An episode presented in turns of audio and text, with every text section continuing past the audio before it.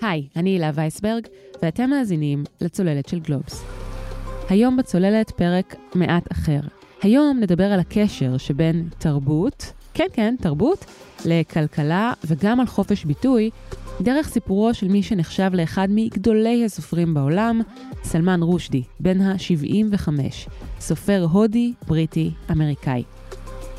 לפני פחות מחודשיים, ב-12 באוגוסט, חווה רושדי ניסיון התנגשות, ולא בפעם הראשונה. זה קרה רגע לפני שעמד להעביר הרצאה במכון צ'וטקווה בניו יורק על ארצות הברית כמקלט לסופרים ואמנים בגלות. התוקף, האדי מטר, בן ה-24, דקר אותו כמה פעמים עם סכין. ככל הנראה, מטר היה מזוהה עם איראן ועם האסלאם הקיצוני. כך נשמע האירוע ממש בשניות הראשונות שאחרי התקיפה. מצבו של רושדי נראה אנוש בתחילה, אבל הוא שרד ואפילו חזר לדבר. בכל זאת, הוא איבד עין, את הכבד ואת העצבים באחת מידיו, ועדיין מאושפז בבית החולים. למה רושדי הוא יעד לחיסול מזה כבר יותר מ-30 שנה? הכל בגלל ספר פרוזה שפרסם בשנת 1988 בשם פסוקי השטן, The Satanic Verses. בספר הוא מתאר את הנביא מוחמד כמי שמקיים קשרים עם השטן. בעקבותיו, מנהיג איראן דאז, אייתולה חומייני, הכריז על רושדי כבן מוות, מה שנקרא פתווה. הסיפור של סלמן רושדי קרוב מאוד לליבה של עורכת מוסף התרבות החדש של גלובס, ליסה פרץ, לכן היא גם כתבה עליו בהרחבה במוסף, שמתפרסם בפעם הראשונה בסוף השבוע. נשמע ממנה למה היא חושבת שמדובר בסיפור חשוב, מה אפשר ללמוד ממנו, ומה הקשר לכסף, למעמד ולכוח. היי ליסה. שלום מילה. בואי נתחיל מסיפורו של סלמן רושדי. איך הפך מילד שגדל למשפחה המוסלמית בהודו, לאדם שכותב ספר כל כך פרובוקטיבי, שחי לאורך שנים במחתרת מחשש שיירצח, וגם לאחד הסופרים המוערכים בעולם. אני אשים כוכבית ליד התואר אה, מוערכים. צריך להסתכל נכוחה על גוף העבודה שלו. אני חושבת שהמילה, אחד הסופרים המוערכים, היא קצת פומפוזית כשמסתכלים על גופי יצירה. קצת overrated, אוקיי. כן, כי סלמן רושדי, צריך לזכור, אה, כתב מעל 20 ספרים, שתורגמו ל-40 שפות, ונכון להיום, כשהוא בן 75, כשמסתכלים על הגוף הזה, רואים יותר ספרים בינוניים מאשר ספרים טובים, כשברור לכולם ש... התהילה שלו או השם שלו נגזרים מהחיים שנכפו עליו בגלל הגזר דין מוות מטהרן. כן, אנחנו ניגע בזה בהרחבה. אז לכן, כשאומרים מורחים, צריך מאוד להיזהר. אני חושבת שאולי אחד הסופרים הידועים אה, בעולם, סוג של מותג. את יודעת, כמו שאת אומרת פיקאסו, את אומרת צייר, את אומרת פיקאסו, אלברט איינשטיין מדען, אותו דבר רושדי הוא סופר. אבל בואי נחזור uh, לרקע שלו. סלמן רושדי נולד בבומביי, בהודו. למשפחה מוסלמית. הוא מספר שכבר בתור ילד הוא אהב uh, להזין את סיפורים שסיפר לו אבא שלו, מין סיפורי אלף לילה כאלה. ובעצם וכבר... הוא מאותם אנשים, uh, ברי מזל אולי אפשר לומר, uh, לפחות על פי עדותו, שידעו מגיל מאוד צעיר מה הם רוצים לעשות נכון. כשיהיו גדולים. I never had any idea of what to do with my life except being a writer. Even when I was a child, my parents afterwards told me that when their friends asked me, what do you want to do when you grow up? I would not say that I want to be a, you know, an airline pilot or an astronaut. I would say I want to be a writer. אני חושבת שאבא שלו מספר לו בעת לילה סיפורי אלף לילה ולילה, זה אולי הגרעין של הספרות של סלמן רושדי בעתיד, שאפשר לכנות את ה... שיש בה הרבה ממדים של אה, פנטזיה, של דמיון מאוד עשיר. פנטזיה מגית כמעט, שמשולבת במציאות, ואני חושבת שהגרעין של הדבר הזה זה בסיפורים שאבא שלו סיפר לו. בגיל 13, ההורים שלו שולחים אותו ללמוד באנגליה. אני מניחה שמהסיבה שהם זיהו שמדובר באמת בילד מבריק, והוא נשלח לאנגליה, הוא לומד בקמברינג', מסיים בהצטיינות. הוא לומד, אה, לדעתי, אומנות. אומנות, mm-hmm. בכלל. היסטוריה ואומנות. נכון, ואז הוא פונה לקריירת הכתיבה. הספר הראשון שהוא כתב, קוראים לו גריימוס, הוא יצא ב-75, ספר שמתעסק בפנטזיה על ילד ששותה שיקוי פלא וזוכה לחיי נצח. אה, ארבע שנים אחרי זה הוא מוציא עוד ספר. הספר הזה, ילדי חצות, בעצם מזניק אותו לתודעת הספרות הבינלאומית וגם הבריטית, כשהוא זוכה בפרס בוקר, שזה אחד הפרסים הספרותיים היוקרתיים ביותר בעולם הספרות.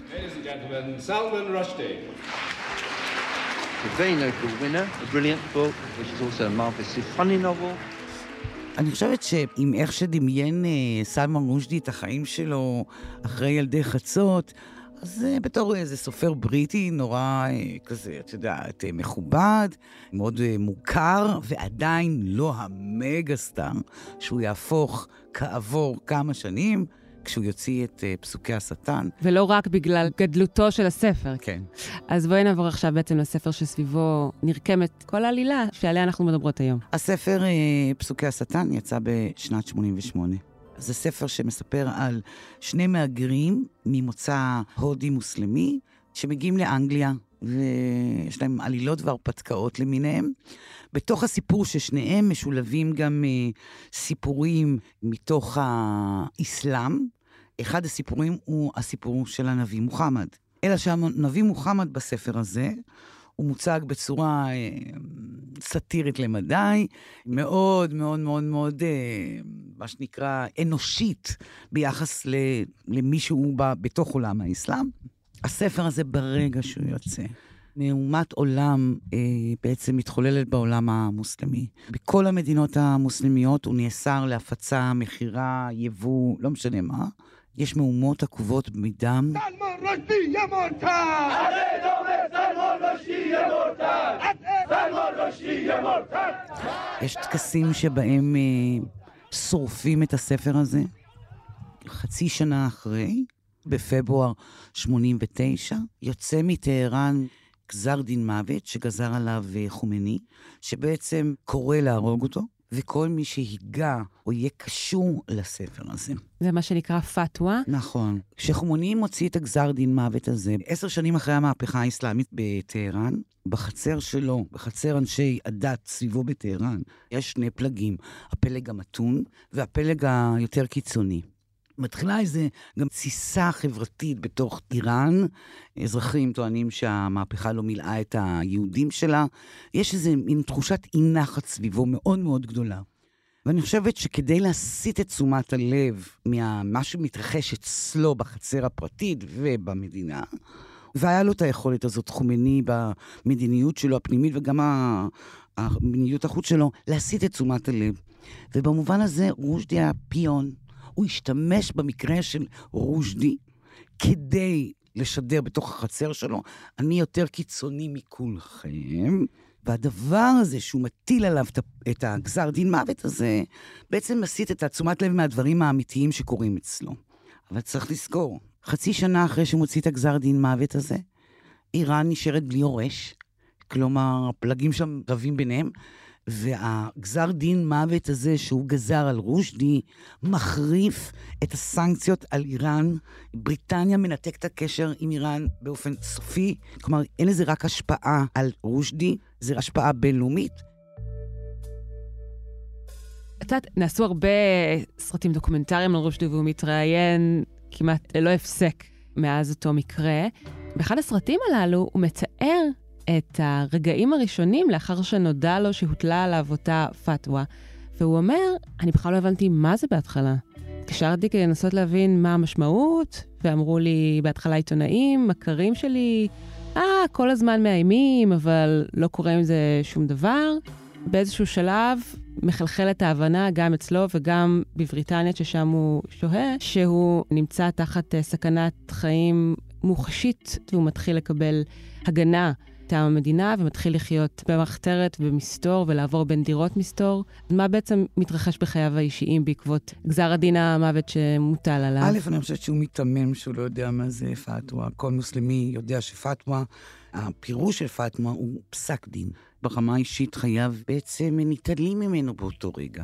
הוא נאלץ לחיות במחתרת, תחת שם בדוי. בריטניה מעניקה לו הגנה מקסימלית. כלומר, הוא הופך למין האיש הכי שמור בבריטניה. אז ליסה, בואי נשמע עכשיו איך תוארו חיי המסתור של רושדי בשנת 1990 בתוכנית התחקרים האמריקאית 60 דקות, 60 minutes.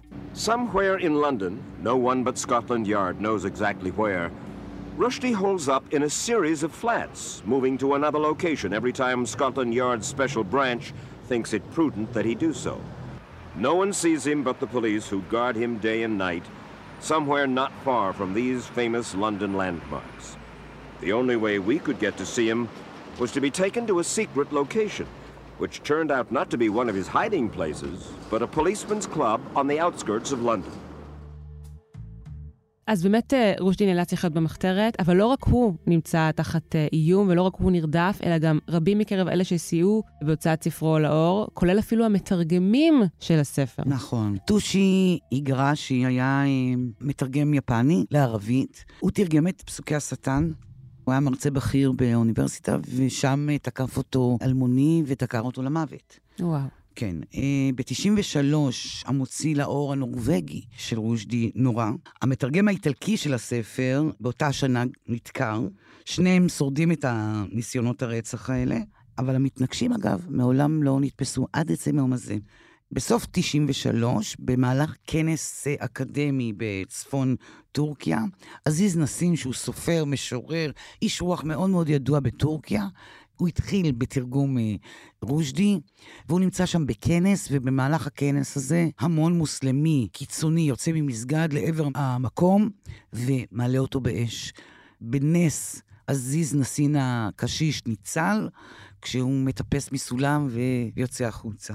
37 אנשים מתו בשריפה הזו.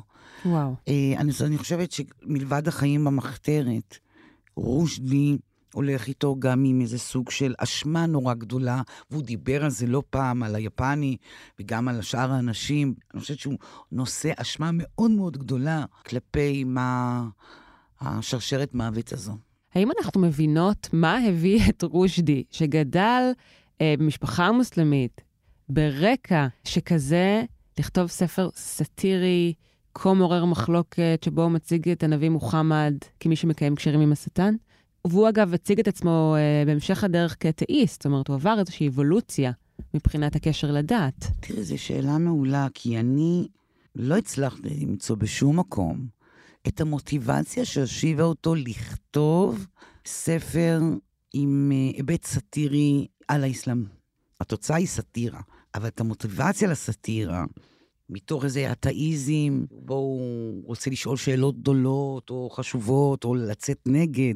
הוא תיאר לאחד הסרטים הדוקומנטריים, אה, הרבים שאליהם הוא התראיין, עד כמה הוא גדל בסביבה מגוונת מבחינה דתית כילד, כמה הוא חושב שזה היה נכון, וכמה הוא אהב את זה, כמה זה היה בעיניו אה, מעשיר. זה אולי אה, צידוקים לספר, אבל למה אדם יושב וכותב ספר, בוודאי מבית כל כך שערורייתי, את הדבר הפשוט, את התשובה הפשוטה, הוא לא אמר מעולם.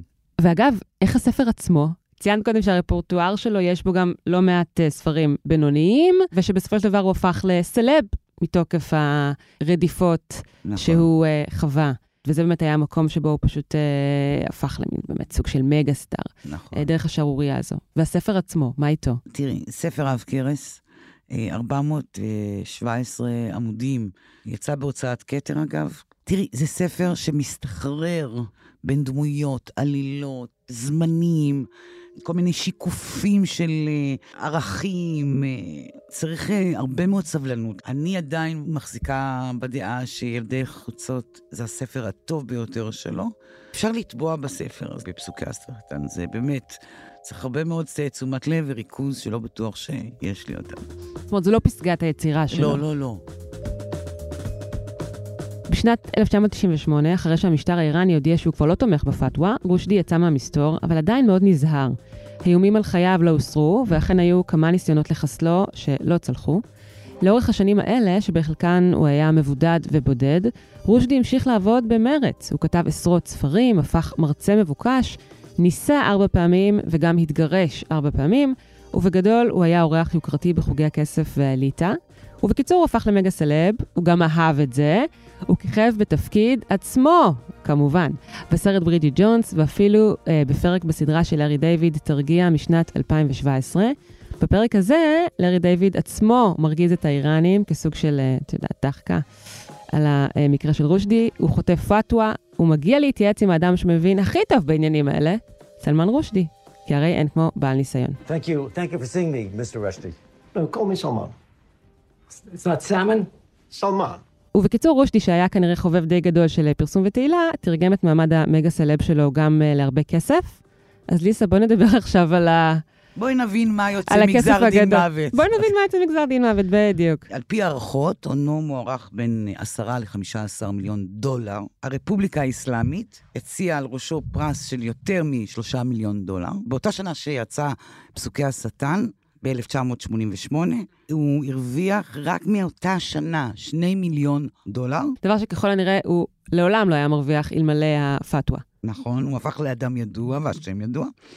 ובשנת 2012 אה, הוא רכש באנגליה אחוזה בשווי של מיליוני דולרים. אבל את יודעת, אגב, ב-1990, בתוכנית התחקרים האמריקאית הידועה, אה, 60 דקות 60 minutes, הוא נשאל לגבי הסכומים האלה ולגבי המכירות הרבות שהספר שלו צבר, והוא אמר, אני הייתי מוותר על כל זה כדי לחיות uh, חיים נורמליים, כדי לא לחטוף את uh, גזר הדין הזה. I would very happily exchange my old level of sales and my old life for what you've just described as a success. בסך הכל הגיוני. אדם uh, מעדיף לחיות מאשר לחיות תחת איומים, לא משנה כמה בוודאי, עשיר הוא בוודאי. נעשה. המקרה של רושדי הוא מאוד uh, מעניין.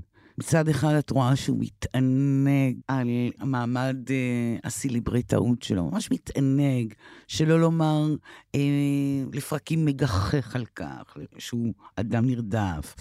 מתראיין תחת כל עץ רענן. באמת בתוכניות הכי נחותות, מהכי יוקרתיות על הנחותות. הולך למסיבות, מבלה במועדונים, כלומר, זה, כשאת מסתכלת עליו, את אומרת, וואו, זאת, לחיות ככה במחתרת, גם אני הייתי רוצה. מצד שני, מה שקרה באמצע אוגוסט שעבר, אני בטוחה שברגע הזה, או בכלל, הוא אומר לעצמו, אני לא רוצה את הדברים האלה, לא צריך את הדברים האלה.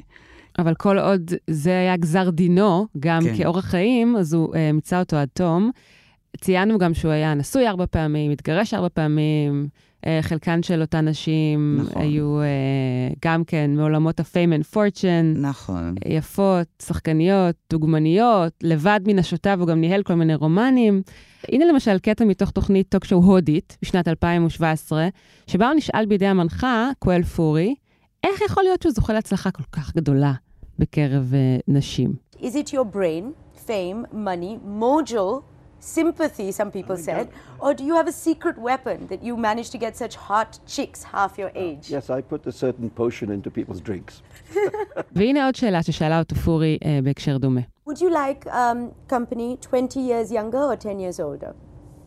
Uh, depends if it's male or female. And If it's male, probably 10 years older. בקיצור, אליסה, כפי שאמרת, רושדי ללא ספק הפך לבליין רציני, חיי מחתרת מאוד קשים ואומללים. תראי, כשאני מסתכלת שוב פעם על גוף העבודה שלו, הייתי מצפה מאדם במחתרת שיוציא ספרות יותר טובה מזו. אבל מצד שני, מתי היה לו זמן אם הוא היה כל היום במועדונים ומבלה על יאכטות ואוכל עם אה, דוגמניות ושועי עולם. ושועי עולם? להיכנס למחתרת, אה, פירושה, במובן הספרותי, הפירוש הזה זה באמת התבוננות, זה סוג של שקט, ואני חושבת שרושדי ויתר על זה בתוך החיים במחתרת. את יודעת, השקט, אני חושבת שהוא מכנס אותך להשראה, ופה ניתנה לו אפשרות, ולדעתי הוא ניצל אותה בצורה אה, מביכה למדי. ליסה, ישנם לצערנו מקרים נוספים מהשנים האחרונות שבהם סופרים שכתבו תכנים ביקורתיים כנגד משטרים דכאניים וגופים אחרים, חוו ניסיונות התנגשות, אפילו נרצחו בידי מושאי הביקורת, אבל בניגוד לרושדי, האמנים האלה הם לא מגה סלבס, הם לא רכבו על אה, גלי תהילה, כלל וכלל, אה, אפילו נשארו אלמונים, מתו אלמונים. זאת אומרת, המקרה של רושדי הוא בהחלט נדיר, כנראה מעיד גם על אישיותו התוססת, כפי שתיארנו כרגע. הוא נהנה מאוד מתשומת הלב, והצליח ככה למנף את הנסיבות uh, לטובתו. עד כמה שניתן לומר זאת, בטח חושב במקרה הקשה שהתרחש ממש uh, באחרונה.